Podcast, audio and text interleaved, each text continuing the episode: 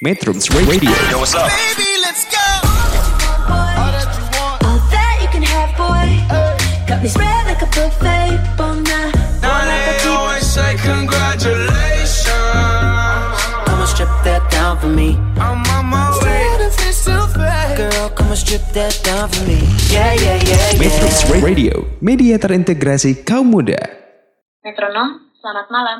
Berjumpa kembali di acara Arah Pandang.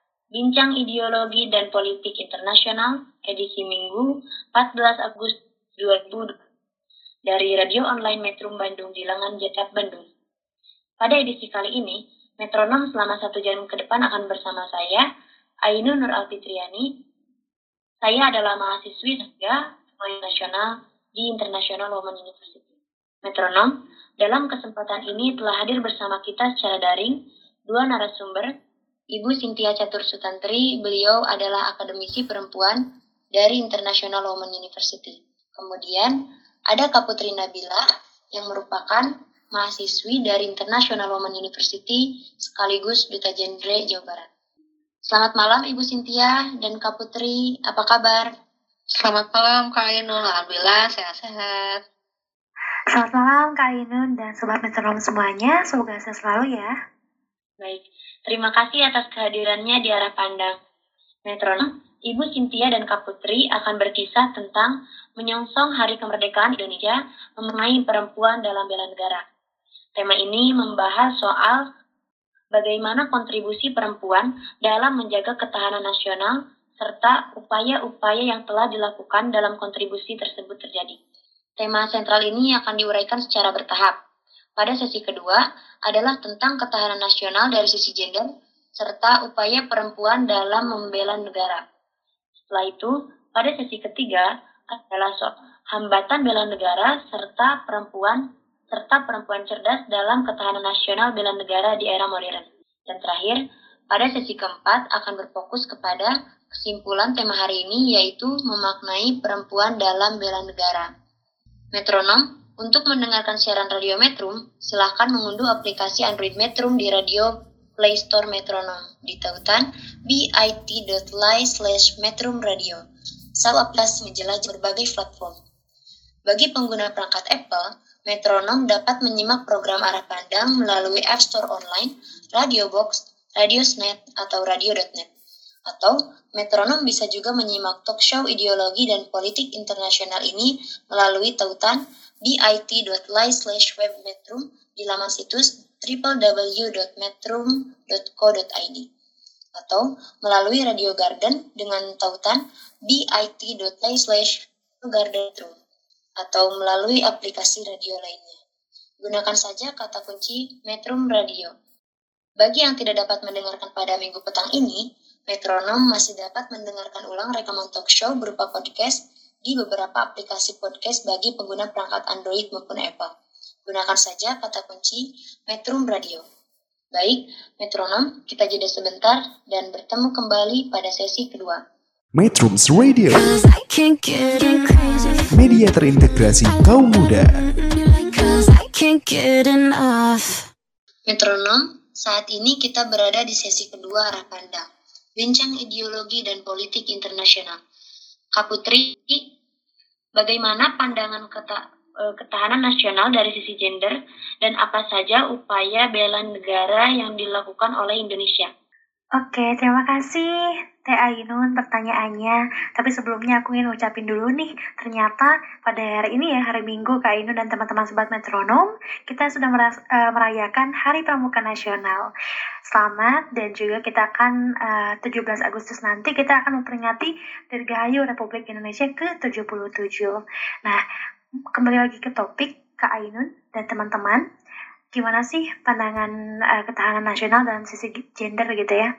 Nah, sebelumnya itu kita tahu dulu bahwa perempuan dan laki-laki itu kan memang terlahir berbeda secara fisik gitu. Nah, di samping itu mereka memiliki peranan yang juga berbeda dalam keluarga. Seperti contohnya, seorang perempuan yang telah menikah sejatinya akan menjadi seorang yang hamil, melahirkan, menyusui, dan mendidik anak-anaknya. Di sisi lain gitu ya, seorang laki-laki, terutama yang sudah berkeluarga, harus bekerja, bertanggung jawab menafkahi istri dan anak-anaknya pastinya, serta menjadi imam dan kepala keluarga yang mengarah dan membimbing keluarganya. Ini tuh sebenarnya menunjukkan apa sih Sobat Metronom? Menunjukkan seorang ayah yang bukan saja bertugas untuk mendidik anak-anaknya, tetapi lebih dari itu, uh, ia juga bertanggung jawab terhadap masa depan keluarganya gitu. Nah, perbedaan secara fisik serta fungsi perempuan dan laki-laki dalam keluarga menimbulkan pertanyaan lainnya. Apakah peranan perempuan dan laki-laki juga berbeda di dalam masyarakat dan dalam kehidupan berbangsa dan bernegara? Pertanyaan inilah yang akan dijawab di dalam ulasan kali ini. Nah, perempuan dan laki-laki memiliki peranan yang sama pentingnya dalam membangun dan menjaga ketahanan nasional di negara kesatuan Republik Indonesia, Sobat Metronom, khususnya di tengah-tengah lingkungan masyarakat. Pemikiran ini berangkat dari isi Konstitusi Negara Indonesia. Mungkin kita masih ingat ya, Undang-Undang Dasar 1945 yang telah diamandemen pastinya, yang secara tegas menyebutkan bahwa setiap warga negara berhak dan wajib dalam upaya pembelaan negara, pasal 27 ayat 3, dan dalam usaha pertahanan dan keamanan negara di pasal 30 ayat 1, Nah, kemudian pasal ini secara tegas menyatakan bahwa setiap warga negara Indonesia, baik laki-laki maupun perempuan, berhak dan wajib ikut serta dalam upaya bela negara dan usaha mempertahankan keamanan negara Republik Indonesia. Itu dulu ya. Kemudian yang kedua nih, uh, gimana konsepsinya Putri gitu, mengenai ketahanan nasional dan persepsi ancamannya. Nah, ketahanan nasional saat ini menjadi sebuah tanggung jawab penting gitu Sobat Metronom, terutama bagi pemerintah di dalam mempertahankan keutuhan dan keamanan negara Indonesia. Hal ini mencakup masalah kedaulatan dan keamanan nasional. Kemudian, kemudian juga mencakup keutuhan wilayah dan pemenuhan kebutuhan rakyatnya. Pemerintah Indonesia mendefinisikan ketahanan nasional itu sebagai kondisi dinamis suatu bangsa, Ainun dan teman-teman. Nah, berisi keuletan dan ketangguhan yang mengandung kemampuan untuk mengembangkan kekuatan nasional. Dalam menghadapi dan mengatasi segala ancaman, hambatan, ataupun gangguan lainnya, baik dari dalam ataupun dari luar, gitu ya, secara langsung atau tidak langsung yang, yang membahayakan integritas, identitas, kelangsungan hidup bangsa dan negara, serta perjuangan mengejar tujuan nasionalnya. Nah, tujuan nasional bangsa Indonesia ini secara jelas tercatat di dalam pembukaan Undang-Undang 1945 atau 1945 ya, dalam alinea keempat yang biasa kita sebutkan tuh ya, Sobat Metronom setiap pagi ketika upacara gitu ya, pembacaan Undang-Undang Dasar, yaitu melindungi segenap bangsa dan seluruh tumpah darah Indonesia, memajukan kesejahteraan umum, mencerdaskan kehidupan bangsa, dan ikut melaksanakan ketertiban dunia. Nah, dari definisi tersebut terdapat tiga poin penting yang terkait dengan ketahanan nasional, yaitu yang pertama, ketahanan nasional ini menggambarkan kondisi suatu bangsa yang dinamis gitu teman-teman. Berubah-ubah dan tidak selalu sama setiap saat. Di dinamika ini tentu saja terjadi karena segala sesuatu yang terjadi di sekitar kita tuh ya sama berubah gitu dinamis juga tidak statis tidak stagnan gitu. Nah keadaan seorang manusia termasuk kita sendiri pun gitu ya teman-teman pastilah ngerasa ya kita tuh mengalami perubahan baik secara emosional baik secara aktivitas dan juga peran fungsi dalam masyarakat gitu. Nah perubahan ini terjadi karena apa sih sobat metronom? Ya karena adanya dorongan dari faktor baik secara dalam diri ataupun dari luar eksternal. Nah faktor internal yang mempengaruhi itu uh, terjadinya perubahan kondisi suatu um, gimana ya menyebabkan perubahan kondisi suatu bangsa berasal dari unsur di dalam negara tersebut. Kalau kita mau kaget ke dalam negara gitu. Misalkan pertambahan jumlah penduduk pergantian rejim politik yang berkuasa dan gejala alam yang terjadi di wilayah negara itu gitu. Nah sedangkan perubahan yang disebabkan oleh faktor eksternal bisa terjadi karena adanya pengaruh dari luar. Seperti apa? Seperti masuknya pengaruh asing dalam berbagai aspek kehidupan ekonomi, sosial, dan budaya. Dan ini tampak gitu dari, dari, dari dinamika hubungan internasional. Nah, yang kedua, Poin kedua adalah bahwa dinamika ini uh, terjadi itu dalam suatu negara dapat mendorong keuletan ketangguhan serta mengembangkan kemampuan untuk membangun kekuatan nasional dalam menghadapi segala bentuk ancaman. Um, ini berarti meskipun kondisi suatu negara bisa berubah gitu ya teman-teman dan bentuk ancaman pun berubah mengikuti perkembangan zaman, namun perubahan itu bisa mengarah kepada suatu uh, perubahan yang uh, perkembangannya itu positif. Kenapa? Karena perubahan itu mampu mendorong munculnya sikap mental yang mau terus berusaha. Um, pantang menyerah, kita tangguh juga uh, dari seluruh komponen bangsa gitu. Nah, sikap seperti ini jelas diperlukan dalam membangun kekuatan nasional dan untuk menghadapi segala ancaman yang ada. Kemudian poin yang ketiga nih ya, ketahanan nasional itu merupakan kemampuan untuk mengatasi ancaman terhadap integritas, identitas, kelangsungan hidup bangsa dan negara, serta perjuangan mengejar tujuan nasional yang tadi kita sebutkan dalam alinea keempat Undang-Undang Dasar 1945. Nah, kemudian ada juga nih, teman-teman, Undang-Undang Nomor 17 Tahun 2011 tentang intel, intelijen negara mengartikan ancaman sebagai setiap upaya, pekerjaan, kegiatan, dan tindakan baik di dalam negeri ataupun di dalam luar negeri yang dinilai atau dibuktikan dapat membahayakan keselamatan bangsa ya, ke keamanan, kedaulatan, keutuhan wilayah negara NKRI, dan kepentingan nasional di berbagai, di berbagai aspek, baik ideologi, politik, ekonomi, sosial budaya, maupun pertahanan dan keamanan. Dari penjelasan Undang-Undang Nomor 17 Tahun 2000 11 tadi, maka dapat dikatakan gitu, Sobat Metronom, ancaman dapat berasal dari dalam negeri, dari luar, bahkan gabungan dari keduanya, seperti dalam kasus terorisme di Indonesia. Ancaman dari luar itu jelas berasal dari kemungkinan adanya serangan militer dari negara lain gitu. Nah, kalau kita ngomongin tentang upayanya, itu apa upaya bela negara yang dilakukan oleh Indonesia? Setiap negara tentunya memiliki kebijakan masing-masing dalam menjaga dan mempertahankan keamanan nasionalnya, teman-teman. Uh, pemerintah Indonesia telah memiliki sistem pertahanan keamanan rakyat semesta, Hanka Merata, yang dikenalkan sejak masa Orde Baru, Orba, sebagai doktrin militer negara Indonesia. Nah, dengan sistem ini, pemerintah memasukkan semua elemen, baik militer maupun sipil untuk apa? Untuk menjaga pertahanan keamanan nasional. Sistem ini sempat memudar bersamaan dengan munculnya era reformasi yang menuntut penguatan peran sipil dan pengurangan dominasi tentara di bidang sosial politik gitu pada saat itu. Namun sejalan dengan bertambahnya intensitas ancaman, uh, baik secara kualitas maupun kuantitas gitu ya. Undang-Undang Negara Indonesia tahun 1945 yang telah diamandemen kembali secara tegas menyebutkan bahwa untuk menjaga ketahanan nasional negara Indonesia ini uh, pemerintah perlu melibatkan seluruh komponen bangsa Indonesia, termasuk di dalamnya kekuatan militer, polisi, dan masyarakat sipil. Jadi secara lengkap uh, UUD Negara Republik Indonesia tahun 1945 yang telah amandemen menyebutkan sebagai berikut. Setiap warga negara berhak dan wajib ikut serta dalam upaya pembelaan negara. Pasal 27 ayat 3. Nah, dilanjut lagi pasal 30 ayat 1. Tiap-tiap warga negara berhak dan wajib ikut serta dalam usaha pertahanan dan keamanan negara.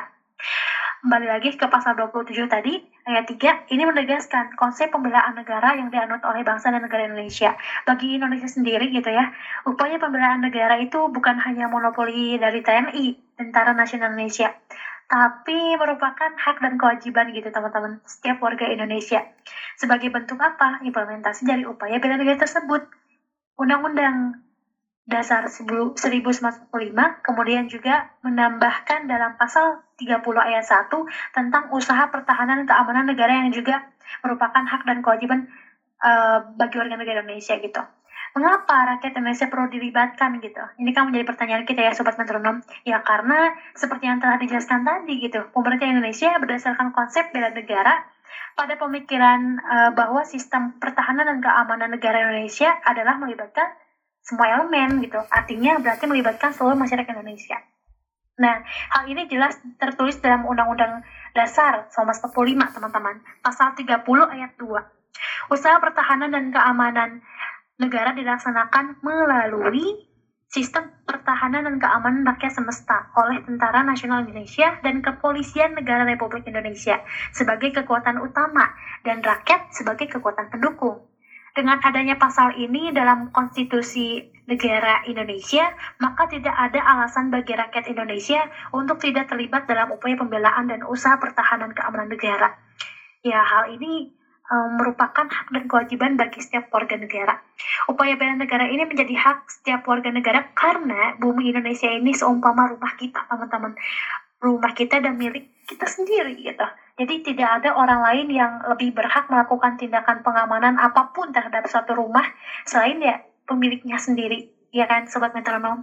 Nah, oleh karena itu, rumah Indonesia ini wajib dijaga keamanannya setiap saat dari ancaman bentuk apa pun. Selanjutnya, untuk menjelaskan siapa saja yang berhak dan wajib ikut serta dalam upaya bela negara, Pasal 26 ayat 1 dalam Undang-Undang Dasar 1945 menyatakan bahwa yang dimaksud dengan warga negara Indonesia ialah bangsa maaf ialah orang-orang bangsa Indonesia asli itu dan orang-orang bangsa lain yang disahkan dalam undang-undang sebagai warga negara atau biasa kita sebut kalau di pemain bola tuh naturalisme gitu. Nah itu kayak gitu ya. Nah kemudian ada sistem pertahanan dan keamanan rakyat semesta memang menegaskan perlunya keterlibatan setiap warga negara Indonesia. Namun demikian ada ada pembedaan tugas dan fungsi dalam pelaksanaannya. Dalam hal ini pemerintah tetap memberdayakan TNI, oke, okay, dan juga Polisi Republik Indonesia. Polri sebagai kekuatan utama di dalam upaya pertahanan keamanan negara gitu. Nah, posisi rakyat dalam hal itu tuh adalah sebagai apa sih, sobat metronom? Ya, jadi sebagai komponen kekuatan yang mendukung TNI dan Polri terutama dalam upaya-upaya menghadapi ancaman terhadap negara Indonesia dan kemudian tadi posisi rakyat adalah sebagai kekuatan pendukungnya. Mengenai peraturan atau pengaturan pembagian peran dan tanggung jawab antara TNI dan Polri sejak pelibatan rakyat di dalam upaya pertahanan keamanan negara, pemerintah telah mengajukan draft RUU, teman-teman. RUU tentang keamanan nasional atau KAMNAS. Hingga saat ini paper ini dibuat. RUU tersebut masih sedang terus dibahas antara pemerintah dan dengan uh, DPR, Dewan, Dewan Perwakilan Rakyat. Seperti itu, Teh Ainun. Baik, Teh Putri. Lalu eh, bagaimana sejarah peranan perempuan dalam bela negara pasca kemerdekaan Indonesia, Teh Putri? Hmm, ini menarik, Teh Ainun. Kalau kita ngomongin tentang perempuan, ternyata perempuan itu terlibat loh dalam bela negara dan pasca kemerdekaan.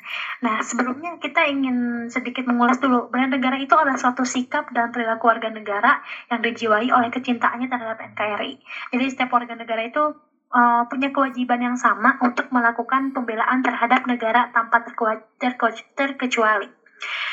Berdasarkan undang-undang lagi nih ya, UU Undang-Undang 1945, Undang-Undang Dasar, Pasal 27 ayat 3, sekali lagi nih teman-teman, mengamanatkan setiap warga negara berhak dan wajib ikut serta dalam upaya pembelaan negara. Tidak ada beda antara perempuan dan juga laki-laki. Tidak pandang inilah ya, gender kita pandang jenis kelamin. Bahkan sebelum negara ini merdeka, banyak loh perempuan-perempuan hebat yang turut andil dalam bela negara gitu teman-teman. Seperti R.A. Kartini yang melakukan bela negaranya dengan memberikan kontribusi di bidang pendidikan. Cut Nyakdin gitu ya, yang ikut membela negara dalam berperang berkontribusi juga bersama suaminya dan masih banyak perempuan-perempuan hebat lainnya yang ikut serta gitu. Kalau dilihat dari era Kartini gitu ya, bela negara ini tidak hanya kita harus berperang saja, namun kita bisa melakukan dengan memberikan kontribusi apa saja yang berdampak bagi negara ataupun rakyatnya. Perempuan mengalami hmm, apa ya eksklusivisme apa ya perempuan mengalami pengeksklusifan gitu dalam histori geografinya Indonesia teman-teman. Terutama yang menekan pada narasi bela negara Hal ini dikarenakan penulisan perempuan dalam historiografi ini masih dibayang-bayangi oleh perspektif kolonial gitu. Di mana si perempuan ini penting untuk ditulis ketika mereka terlibat dalam gerakan melawan kolonialisme gitu. Sedangkan kan tidak semuanya melawan kolonialisme, tapi kan uh, tidak secara bersentuhan langsung, tapi mereka bisa secara apa? Di area Kartini mungkin di bidang pendidikan secara soft gitu ya. Nah, sementara dalam narasi sejarah sejak masa kemerdekaan hingga reformasi gitu ya. Peran perempuan ini mengalami domestifikasi gitu teman. Teman ya. Akibatnya peran perempuan dalam upaya bela negara ini masih tereksklusif gitu. Masih tereksklusif. Nah peran perempuan dalam berbagai gerakan kongres atau pemawai kelompok-kelompok lainnya gitu ya semata-mata dianggap hanya sebagai aktivitas sosial biasa. Iya nggak sih? Kelihatannya gitu ya. Dan tidak memiliki signifikansi dalam upaya bela negara. Padahal gitu ya teman-teman, penulisan mengenai peran perempuan secara utuh dalam historiografi dapat mengungkapkan konsep bela negara yang dapat dan wajib dilakukan semua kalangan termasuk kaum perempuan. Jadi kita tuh melek gitu. Sejak masa awal revolusi kemerdekaan, kembali lagi, upaya bela negara melalui militer memang dilakukan oleh para para tentara, dan laskar-laskar pejuang lainnya gitu. Akan tetapi bukan berarti para perempuan tidak memiliki andil dalam upaya mempertahankan kedaulatan uh, Republik Indonesia ini. Para perempuan bahkan memiliki peranan yang sangat penting dalam revolusi kemerdekaan Indonesia. Kita ingat lagi ya, terutama dalam urusan dapur umum dan pengobatan bagi pejuang-pejuang yang terluka gitu teman-teman. Perempuan Indonesia pada masa revolusi yang tergabung dalam Laskar Wanita Indonesia juga banyak berkorban selama periode tersebut gitu. Misalkan mereka harus mengikuti hijrahnya divisi Siliwangi ke Yogyakarta pasca perundingan Renville dan terpaksa meninggalkan rumahnya di wilayah yang diduduki oleh Belanda. Banyak loh dari perempuan itu yang kemudian memilih bertugas di dapur umum, palang merah, ataupun menjalankan tugas lainnya seperti menjadi kurir, sehingga perjuangan militer ini dapat dilakukan dengan baik gitu teman-teman. Nah, hal itu semata-mata dilakukan karena adanya kesadaran membela eksistensi Republik Indonesia. Balik lagi, kesadaran membela eksistensi Republik Indonesia. Akan tetapi, uh, perjuangan para perempuan tersebut sering kali absen gitu dalam narasi sejarah nasional Indonesia. Kenapa ya? Inilah gitu ya, yang aku juga masih bertanya-tanya teman-teman. Nah, narasi sejarah sejauh ini cenderung melakukan glorifikasi ternyata glorifikasi terhadap peran laki-laki, sehingga peran perempuan dalam sejarah bangsa cenderung terpinggirkan. Merujuk pada konsep bela negara, teman-teman, maka perempuan pada masa pemerintahan Soekarno dapat dikatakan telah memiliki karakter dan kesadaran bela negara. Hal ini dibuktikan dengan munculnya beberapa tokoh perempuan yang memiliki kepentingan bangsa melalui bidang politik gitu. Nah, pada bidang politik dalam negeri, terdapat tokoh perempuan yang cukup mendominasi itu dalam upaya bela negara. Tokoh itu kita sebut uh, seorang yang dicalonkan nantinya sebagai Menteri Sosial pada Kabinet Syahir. Ya, beliau adalah Ibu Maria Ulfah yang pernah dicalonkan menjadi salah satu anggota Volksrat di ini diangkat menjadi Menteri Sosial pada Kabinet Syahrir 2 tahun 1946 sekaligus menjadi Menteri Perempuan pertama dalam sejarah Indonesia.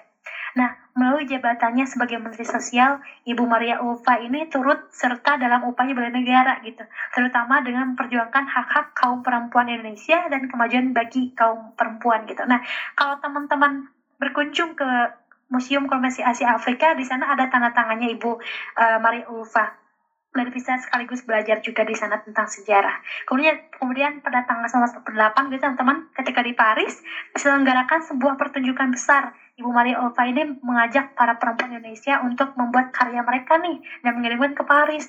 Nah, tentu saja yang dilakukan Ibu Maria Ulfa ini tersebut adalah upaya bela negara bukan? Nah, untuk menunjukkan kemampuan kaum perempuan ini bisa loh uh, ada di kancah dunia internasional, khususnya pada saat itu di mana Indonesia masih berkonflik dengan Belanda gitu, masih tegang, masih panas.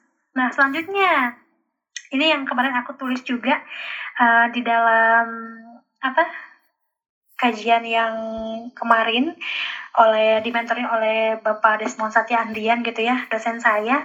Nah, saya menulis juga mengenai Ibu Supeni Pujo Buntoro.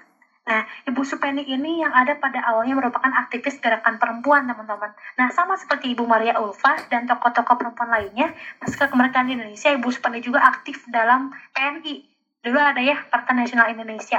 Nah, sebagai salah seorang anggota PNI, Supeni memiliki kedekatan dengan Soekarno Karenanya tidak jarang loh Ibu Supendi ini diutus oleh Soekarno untuk membantu terselenggarakannya pemerintah Indonesia. Pada tahun pada tahun 1950 gitu ya, Ibu Supeni ini memiliki peranan yang sangat penting dalam sejarah Indonesia teman-teman. Pada saat itu, Ibu Supeni diutus oleh Presiden Soekarno untuk mempelajari pemilihan umum di India.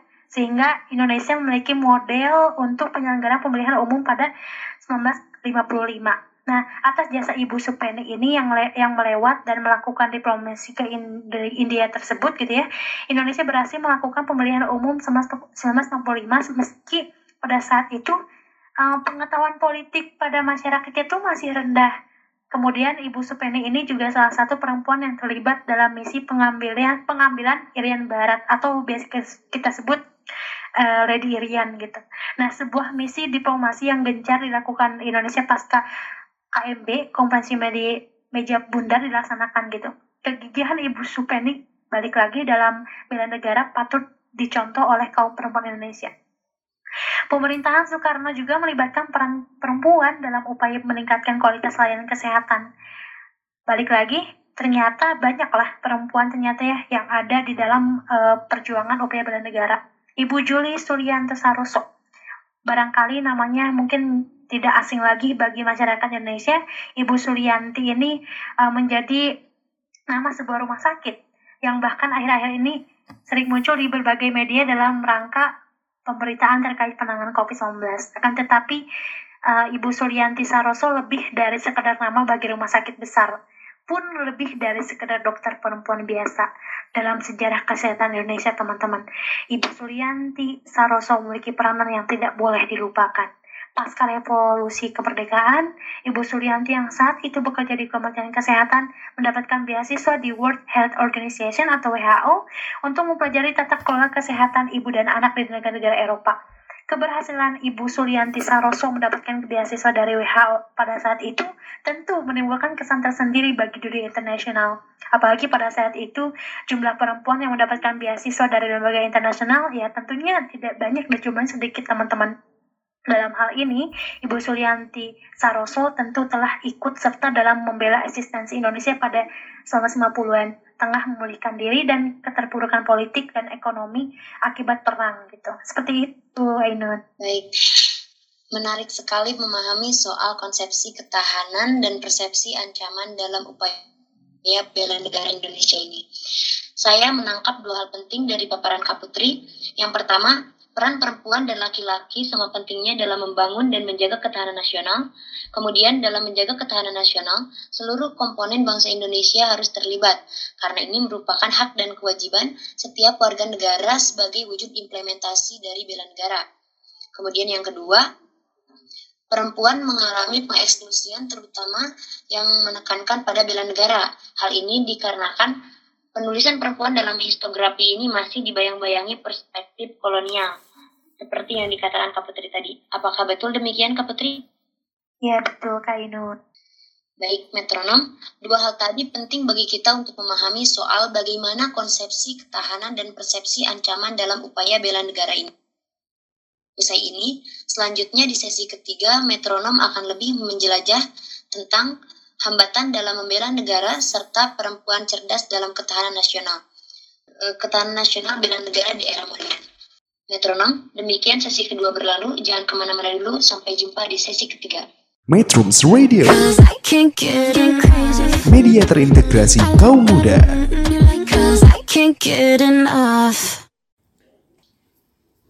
Metronom, saat ini kita berada di sesi ketiga arah pandang.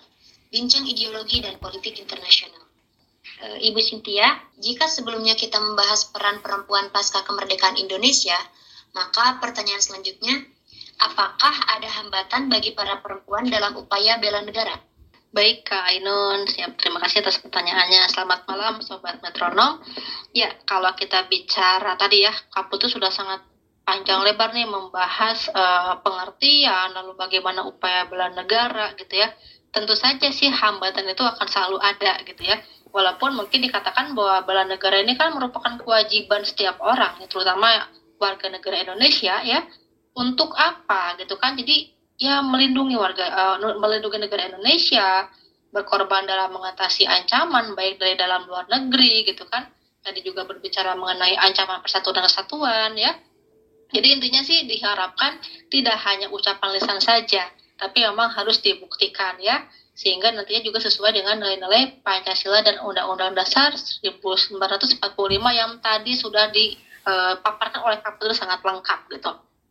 Nah pada akhirnya juga perempuan ini memiliki peranan penting dalam kehidupan, namun kan tadi ya sering kali gitu eh, peranan tersebut dilihat hanya sebatas tadi melahirkan anak, membesarkan, mendidik anak, ngurus rumah gitu ya. Padahal kan pada faktanya kalau kita lihat di lapangan banyak juga loh perempuan yang harus bekerja di luar rumah, membantu perekonomian keluarga, mungkin bahkan juga ada yang hidup mandiri ya untuk membesarkan anak-anaknya kayak gitu. Nah, lalu kalau kita lihat ya, kalau misalkan upaya bela negara itu hanya dilihat dari eh, sebatas perjuangan militer, berarti terhitung banget ya keseluruhan total warga negara Indonesia yang dapat melaksanakan kewajiban untuk membela negara di Indonesia gitu. Kalau semuanya hanya berpatokan pada militer tadi. Nah, padahal ini kan juga eh, pada akhirnya bukan hanya saja merugikan laki-laki yang tidak dapat terjun ke dunia militer, tapi juga ya perempuan juga akan dirugikan karena kan tadi bela negara itu sudah menjadi tanggung jawab semua orang, baik pun laki-laki atau perempuan gitu.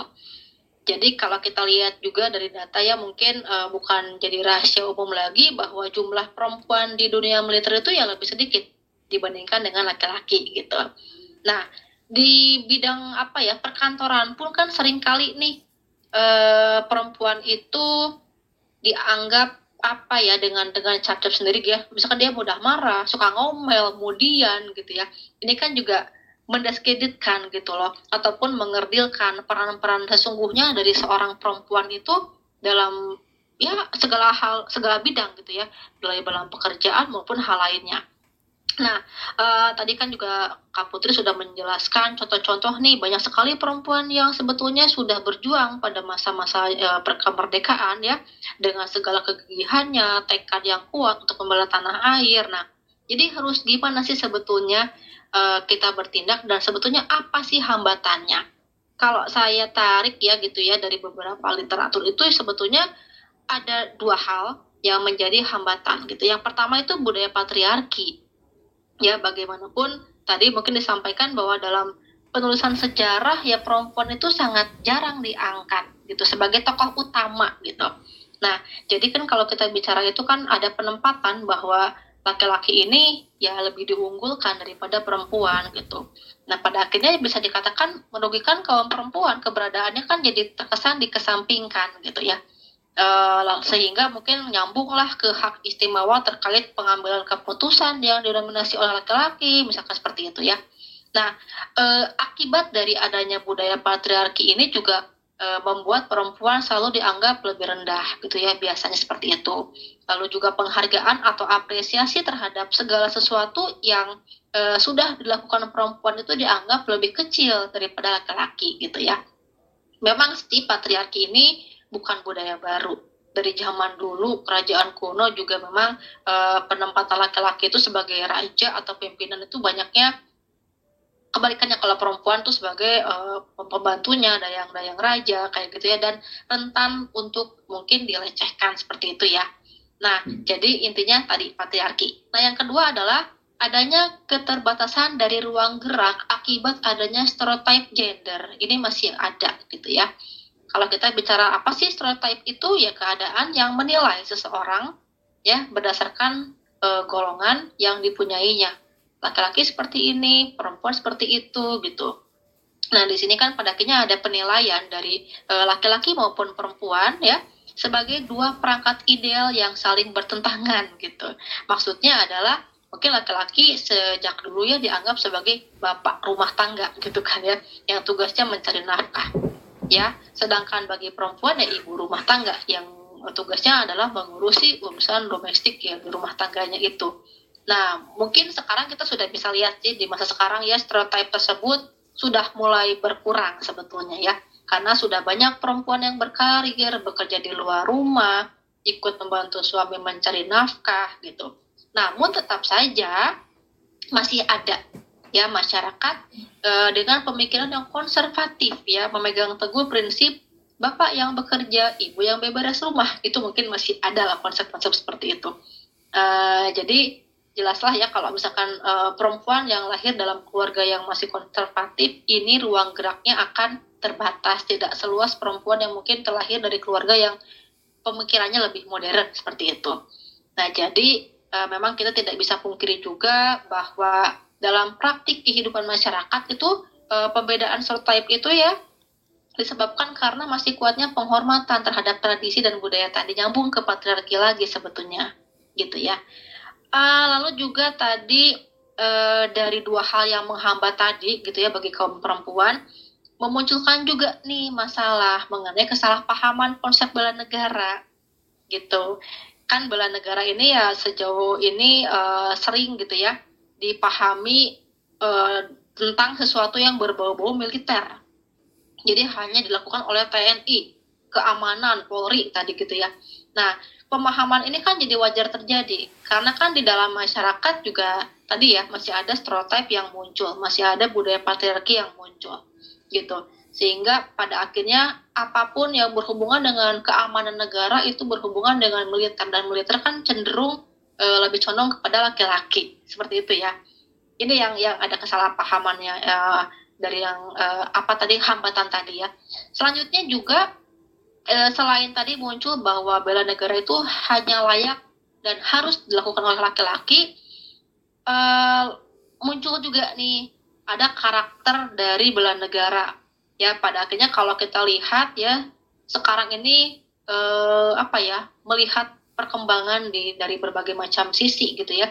Di Indonesia ini justru mengalami penurunan terkait dengan kemajuan teknologi dan globalisasi. Ya karena kan dianggapnya itu kan ranahnya militer. Jadi memang laki-laki sedangkan kalau kita bicara teknologi yaitu lebih mudah di diakses gitu. Sehingga karakter yang muncul itu ya yang yang megang gadget lebih nyaman gitu kan yang dianggapnya gitu ya. Ya lu yang di bidang militer itu akan lebih berat gitu ya dalam menghadapi tantangan baik di dalam maupun luar negeri gitu. Padahal kan kalau kita bicara juga nih bicara teknologi kalau kita lihat zaman sekarang ancaman non militer itu malah munculnya dari teknologi dan globalisasi gitu ya. Ya kan jadi kalau kita bicara kekuatan non militer yang sekarang ini besar juga masuknya adalah rakyat baik laki-laki maupun perempuan. Dan itu juga bisa berbahaya juga kalau kita tidak bisa menghadang. Kayak tadi teknologi gadget dari media-media yang uh, salah yang hoax itu kan juga berbahaya sebetulnya nah lalu uh, penurunan dari karakter bela negara ini sebetulnya pada dasarnya ya disebabkan oleh beberapa faktor. Misal ya kalau kita bicara pendidikan nih masuk ke kurikulum pendidikan uh, mungkin muatan materinya belum optimal. Apa sih tentang bela negara ini mungkin masih belum optimal. Lalu juga eh, tadi diskriminasi gender. Itu juga bisa memunculkan eh, stereotype tadi ya mengenai bahwa bela negara cocok oleh laki-laki dilakukannya. Eh, sedangkan bagi kaum perempuan dinilai tidak dapat berbuat banyak untuk kepentingan bangsa dan negara. Padahal kalau kita bicara konstitusi negara Indonesia yang tadi sudah disampaikan oleh Kak Putri, ya sudah mewadahi kesetaraan gender dalam kehidupan bernegara Ya tapi tadi kesetaraan gender ini kan eh, yang setelah sejauh ini kita lihat ya ditempatkannya itu dalam akses memperoleh pendidikan, pekerjaan, kesempatan ekonomi, kesehatan, tapi tetap sangat terbatas dalam konsep bela negara. Walaupun di dalam akses ekonomi, pekerjaan, pendidikan itu ada sebetulnya konsep-konsep bela negara yang harus dipahami gitu ya. Uh, lalu kalau kita lihat dari perseptif uh, ketahanan nasional, kaum perempuan itu kan justru memiliki peran yang sangat penting. Contoh tadi di bidang militer, mereka juga membantu nih sebetulnya e, mengobati apa namanya para tentara, misalkan di dapur umum, palang Indonesia dan lain sebagainya. Itu masih masih sangat membantu sekali gitu. Nah, kalau kita bicara lagi, perempuan tentu saja tidak bisa dipisahkan e, dari apa ya, dari e, membantu upaya bela negara. Ya, kalau kita lihat tadi kembali ke pasal 27 ayat 3, misalkan dikatakan bahwa setiap warga negara berhak dan wajib ikut serta dalam upaya pembelaan negara. Itu jelas ya, sangat jelas dikatakan seperti itu. Nah, kalau kita lihat kembali nih di masa sekarang ini eh, tadi bicara teknologi, bicara gadget, bicara globalisasi, perempuan itu sebetulnya sangat berat tugasnya sebagai ibu rumah tangga terutama ya karena dikatakan perempuan itu sebagai guru pertama bagi anak-anaknya. Nah, untuk meningkatkan kecerdasan bangsa, itu kan sekarang juga sekolah online itu cukup besar mempengaruhi uh, psikologis anak-anak, ya. Uh, misalkan juga dari segi ke adat istiadat itu sudah sangat terkikis gitu. Makanya para ibu terutama ini nanti punya peran yang sangat besar untuk menciptakan eh, apa ya kecerdasan bangsa atau juga mengatur kembali ini bagaimana sih anak kita dalam me, apa ya mengikuti arus bukan mengikuti arus ya menyesuaikan dengan kondisi yang sekarang gitu jadi kalau kita bicara mengenai ibu dan anak ya anak-anak itu kan cerdas katanya ah, jadi gini anak yang cerdas itu terlahir dari ibu yang cerdas pula ada istilah seperti itu kan ya jadi bagaimana e, bisa seorang ibu dapat menciptakan anak-anaknya menjadi bibit-bibit unggul yang kemudian dapat mengubah bangsa menjadi lebih baik lagi kalau si ibunya ini tidak diberikan kesempatan yang baik dalam bidang pendidikan misalkan ya. Jadi intinya sih perempuan itu bisa menjadi apa pun yang ia kehendaki, perempuan bisa jadi apa pun yang ia inginkan dan dan perempuan itu berhak mengemban segala peran yang dikiranya itu penting untuk keberlangsungan kehidupan berbangsa dan bernegara. Itu mungkin Kak Ainun. Eh, kemudian apa yang harus dimiliki perempuan untuk dapat berkontribusi dalam bela negara di era modern seperti sekarang ini, Bu? Oke, kita bicara yang tadi ya era modern ini tadi ngomongin gadget, globalisasi, ngomongin tentang teknologi gitu. Jadi kalau kita bicara tentang dewasa ini gitu ya, kehidupan masyarakat kan eh, secara global itu kan bergerak dengan sangat dinamis ya. Tadi dikatakan Kak Putri juga bahwa memang eh, ketahanan nasional juga sifatnya dinamis pada akhirnya. Nah tadi kan ancamannya sifatnya bisa militer, ekonomi, politik, ya bahkan biologi gitu ya. Dan dapat suatu waktu itu menyerang Indonesia. Contoh juga kan dari adanya COVID juga itu sudah menjadi sebuah ancaman ya, ancaman dari bagi bangsa Indonesia, ancaman kesehatan yang berpengaruh ke dalam segala macam lini gitu. Ekonominya terpengaruh, politiknya terpengaruh dan lain sebagainya. Nah ini juga jadi tantangan bagi bangsa Indonesia yang sebetulnya memerlukan persiapan yang matang, walaupun pada akhirnya kita e, dipaksa untuk menyesuaikan diri gitu. Lalu juga kalau kita lihat ya di dinamika yang terjadi di akhir-akhir ini juga e, apa ya menuntut masyarakat untuk ikut memiliki karakter bela negara. Misalkan juga ya perang dagang yang sekarang terjadi ya antara Amerika Serikat dengan Cina juga kan itu menyebabkan Indonesia juga terbawa gitu ya. Dari segi ekonomi kita juga harus bisa menyelamatkan perekonomian Indonesia gitu. Lalu juga dari dalam negeri misalkan belakangan juga pernah kan pernah dengar teman-teman ya munculnya fenomena kerajaan fiktif di awal tahun 2020 terutama ya itu juga menguji komitmen masyarakat mengenai bela negara kenapa sih harus seperti itu ya karena kalau uh, fenomena-fenomena tadi itu dibiarkan maka ya uh, apa bisa menjadi apa ya mungkin kalau dikatakan penipuan gitu ya yang mengatasnamakan kebudayaan. Nah ancaman e, bagi legalitas NKRI itu juga menjadi e, ancaman bagi keseluruhan bangsa Indonesia sebetulnya. Nah kalau kita kembali ke dalam e, konsepsi bela negara dan juga landasan hukum di Indonesia e, dan sebagai bagian dari warga negara Indonesia itu ya perempuan Indonesia itu kan memiliki hak dan kewajiban yang sama dengan laki-laki dalam upaya ketahanan nasional. Tadi mungkin dibahas juga mengenai bagaimana sih RA Kartini ya menyadarkan perempuan Indonesia tentang kesetaraan gender misalkan ya eh, yang sebetulnya telah diakomodir dalam konstitusi negara. Jadi sudah disampaikan Kak Putri gitu. Nah, di sini kalau kita bicara ya kesetaraan laki-laki dan perempuan itu kan berlaku bukan hanya untuk memperoleh pendidikan, tapi dalam kedudukan dalam hukum, kebebasan mengeluarkan pendapat, beragama gitu ya. Lalu juga e, mempertahankan e, keamanan dan pertahanan Indonesia. Nah, kalau kita bicara lagi bahwa apa sih yang dibutuhkan bagi perempuan-perempuan Indonesia pada masa sekarang ini untuk membela negara. Tadi kan dikatakan bahwa bela negara ini tidak harus dalam bentuk perang, tapi ada hal-hal lain yang bisa kita lakukan ya keterlibatannya untuk membangun sebuah kondisi ideal bagi pembangunan nasional terutama. Sebetulnya ada hal yang paling penting. Perempuan Indonesia itu harus memiliki kecerdasan. Itu penting ya. Jadi kalau kita uh, saya uh, kita melihat ya atau kita mengambil beberapa ini ya delapan macam kecerdasan dari uh, Howard Garden ya dikatakan bahwa ada delapan yang pertama itu adalah kecerdasan linguistik Nah, di sini kan bicara mengenai bagaimana sih kemampuan seseorang ya dalam menggunakan kata-kata secara efektif, baik lisan maupun tulisan. Nah, dalam hal ketahanan nasional, eh, para perempuan yang memiliki kecerdasan linguistik yang baik itu akan mampu menyampaikan informasi dan eh, menggerakkan orang lain untuk mengikuti informasi yang mereka berikan.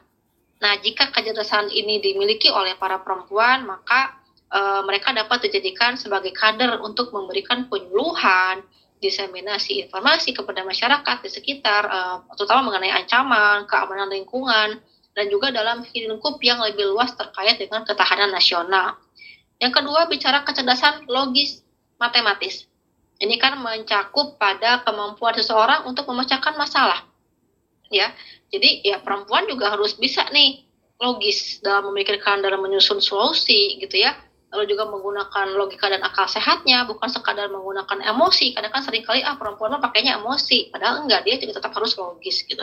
Sehingga nantinya juga kan sistem ketahanan nasional itu membutuhkan para perempuan yang memiliki kecerdasan logis dan juga matematis ya untuk menyaring setiap pengaruh asing yang masuk ke negara ini. Tadi dikatakan bahwa misalkan perempuan dalam hal ini ibu bisa menjadi uh, madrasah pertama bagi anak-anaknya. Jadi ibulah mungkin misalnya yang bisa menjelaskan kepada seorang anak, ini loh yang tidak boleh masuk, ini loh yang boleh gitu ya seperti itu contohnya. Lalu juga bicara kecerdasan visual dan spasial. Nah, perempuan juga itu ada kemampuan dalam memvisualisasikan gambar dalam kepala secara akurat dan cermat. Nah, ini nantinya kan bisa mengembangkan juga sebuah karya seni, bagaimana menghias rumah, merancang taman, menggambar dan lain sebagainya. Ini kan juga salah satu bentuk ya, bentuk uh, tadi contoh kan dari siapa tadi disebutkan ya. Jadi dia mengirimkan uh, perempuan-perempuan Indonesia untuk berpartisipasi melalui karya seni gitu misalkan ya.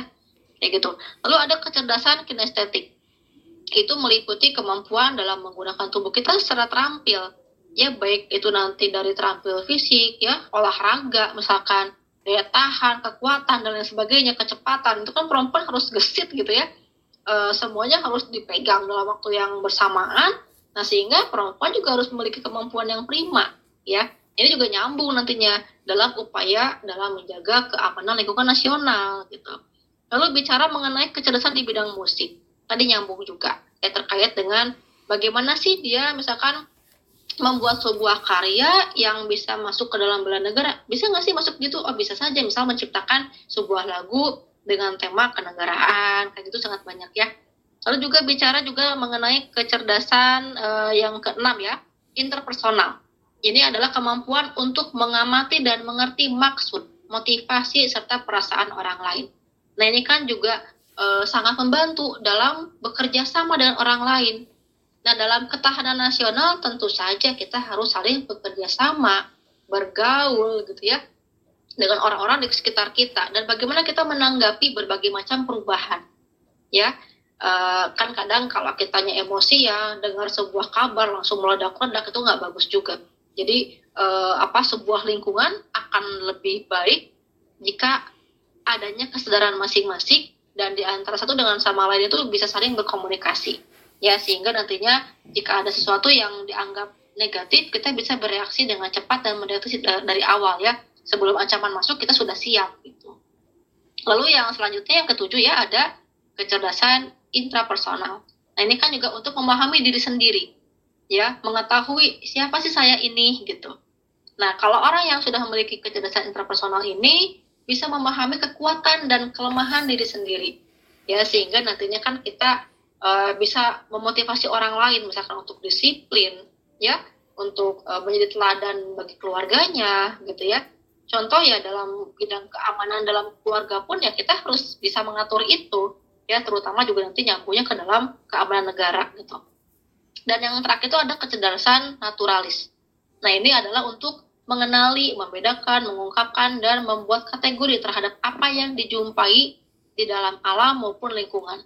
Nah intinya kan kalau lihat kecerdasan ini ya e, bisa melihat perempuan ini memiliki kecintaan terhadap lingkungan mereka, ya kesadaran untuk melindungi lingkungan mereka dan termasuk kecintaan terhadap tanah air Indonesia. Nah maka dari itu gitu ya agar para perempuan dapat berperan dalam ketahanan nasional dan juga dalam upaya bela negara di era modern ini ya tadi harus terus mengembangkan diri agar memiliki kecerdasan yang optimal. Nah, kalau kita sudah memiliki kecerdasan yang optimal tadi, eh, perempuan Indonesia tentu bisa mengetahui perannya di dalam memberikan pengaruh positif yang nyata bagi dirinya sendiri maupun orang lain. Terutama tadi ya, anak-anak yang paling dekat, suaminya, keluarganya, tetangganya, rekan kerja, dan lain sebagainya.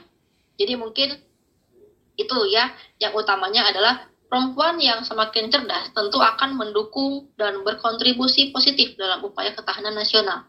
Jadi intinya di era modern ini bagaimana sih bela negara yang bisa dilakukan perempuan? Yang pertama adalah kita harus mengoptimalkan kecerdasan kita dulu. sehingga kita bisa bermanfaat buat bangsa dan negara. Gitu Kak Ainun. Baik, metronom, sebagai rujukan dua hal tadi, tak dapat dipungkiri bermanfaat bagi metronom untuk memahami soal menyongsong Hari Kemerdekaan Indonesia perempuan dalam bela negara. Sementara sebentar lagi di sesi keempat, narasumber Ibu Sintia dan Kak Putri akan mengajak metronom memahami puncak tentang materi-materi yang sudah dipaparkan sebelumnya. Metrums Radio, media terintegrasi kaum muda. Can't get enough. Metronom, tibalah kita di penghujung acara. Ini merupakan sesi keempat arah pandang, bincang ideologi dan politik internasional. Tadi kan kita sudah mendengarkan paparan dari kedua narasumber kita, yakni Ibu Sintia dan Kak Putri. Bagaimana kita membahas persepsi ini? Sobat Metronom, mari kita dengarkan simpulan dari materi yang telah dipaparkan oleh Ibu Sintia dan Kak Putri hari ini. Oke Kak Putri, saya dulu mungkin ya Kak ya. Boleh. Oke, jadi mungkin tadi kita simpulkan dari hasil eh, diskusi kita tadi malam ini ya. Eh, ketahanan nasional itu kan sebetulnya sebuah bentuk usaha pertahanan dan keamanan di negara Indonesia yang tidak pernah membedakan gender gitu ya. Sesuai dengan konstitusi yang berlaku di Indonesia juga dikatakan ya bahwa eh, setiap warga negara, baik itu laki-laki maupun perempuan sama-sama memiliki hak dan kewajiban dalam eh, upaya bela negara. Nah, lalu tadi saya sampaikan bahwa apa sih yang harus perempuan miliki agar dapat berperan serta dalam bela negara? Yang utama adalah harus mengoptimalkan kecerdasannya. Ya karena kan dengan kecerdasan yang dimiliki perempuan, nantinya dia bisa memahami dirinya, keadaan orang di sekitarnya, kebutuhan masyarakatnya, kondisi bangsa negaranya itu otomatis akan diketahui.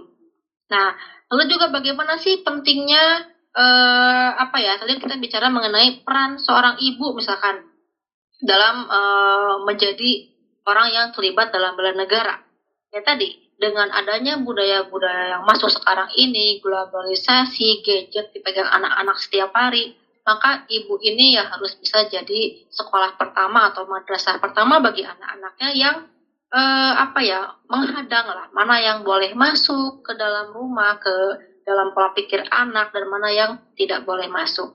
Ya, intinya kita harus eh, tingkatkan eh, keikutsertaan bela negara kita disertai dengan kecerdasan. Gitu itu sih intinya. Enggak, Kak Putri mungkin selanjutnya menambahkan? Iya, kalau aku ingin menambahkan yang tadi sih eh, mengulas sedikit lagi teman-teman eh, upaya bela negara ini telah dilakukan sejak awal Indonesia merdeka dan juga pada masa revolusi. Upaya bela negara menjadi prioritas pemerintah Indonesia yang saat ini tengah mempertahankan kedaulatan negara gitu. Upaya ini dilakukan melalui banyak cara gitu teman-teman, baik militer, diplomasi, ataupun kegiatan sosial, politik, ekonomi, dan kebudayaan. Akan tetapi penulisan sejarah Indonesia terutama eh, mengenai bela negara sejauh ini hanya terfokus pada upaya-upaya dalam bidang militer. Di sisi lain, narasi sejarah Indonesia juga sebagian besar hanya berfokus pada upaya bela negara yang dilakukan oleh kaum laki-laki. Akibatnya terjadi diskriminasi terhadap perempuan dalam pembangunan karakter bela negara. Nah, pemahaman dan pembunuhan karakter bela negara oleh sebagian besar masyarakat dianggap hanya merupakan kewajiban laki-laki. Sementara perempuan hanya bertanggung jawab atas urusan domestik seperti urusan rumah tangga gitu teman-teman.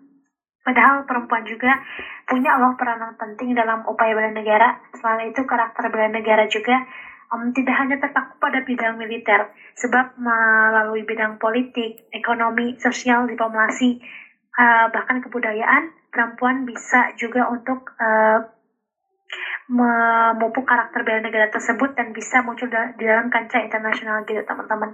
Jadi eh, aku juga ingin sedikit nge-highlight tadi bahwa di dalam Undang-Undang Nomor 45 tentu jelas sekali teman-teman upaya bela negara itu TNI Polri mungkin sebagai kekuatan utama tapi kita adalah seorang yang menjadi kekuatan pendukung untuk membela rumah kita sendiri karena tanah ini siapa lagi kalau bukan kita yang membela gitu. Itu sih teman-teman.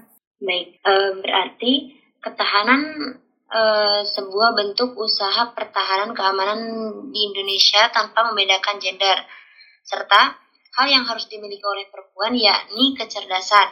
Kita harus meningkatkan ketahanan nasional bela negara tentunya dengan kecerdasan. Eh, kemudian, upaya bela negara tidak hanya terpaku pada militer, namun masih banyak juga eh, hal-hal lain seperti pendidikan, ekonomi, dan lain sebagainya. Apakah benar begitu, Bu? Kak? Ya, betul, Kak Ainon dan Sobat Metronom sekalian. Wah, sangat makasih untuk kedua narasumber kita dan Kak Putri yang telah membagikan ilmunya. Semoga sehat selalu dan semoga kita bisa bertemu. Metronom, demikian sesi keempat telah berlalu, artinya perjumpaan kita harus diakhiri di sini. Semoga perbincangan tadi tentang eh, memaknai perempuan dalam bela negara bermanfaat bagi metronom sekalian, terutama dalam menambah wawasan dan menentukan arah pandang. Kami mengucapkan terima kasih atas kebersamaan metronom selama satu jam berlalu. Semoga sehat selalu. Sampai jumpa kembali Kamis depan dengan topik-topik yang lebih menarik. Tetap stay di Metro Radio, media terintegrasi kaum muda dalam jelajah komunitas. Selamat malam. Metrums Radio Yo, what's up? Baby, let's go. All that you want. All that you can have, boy. Got me spread like a buffet. Bon Now they always say congratulations. On, strip that down for me. I'm on my way. Girl, come on, strip that down for me. Yeah, yeah, yeah, yeah. Metrums Radio Media terintegrasi kaum muda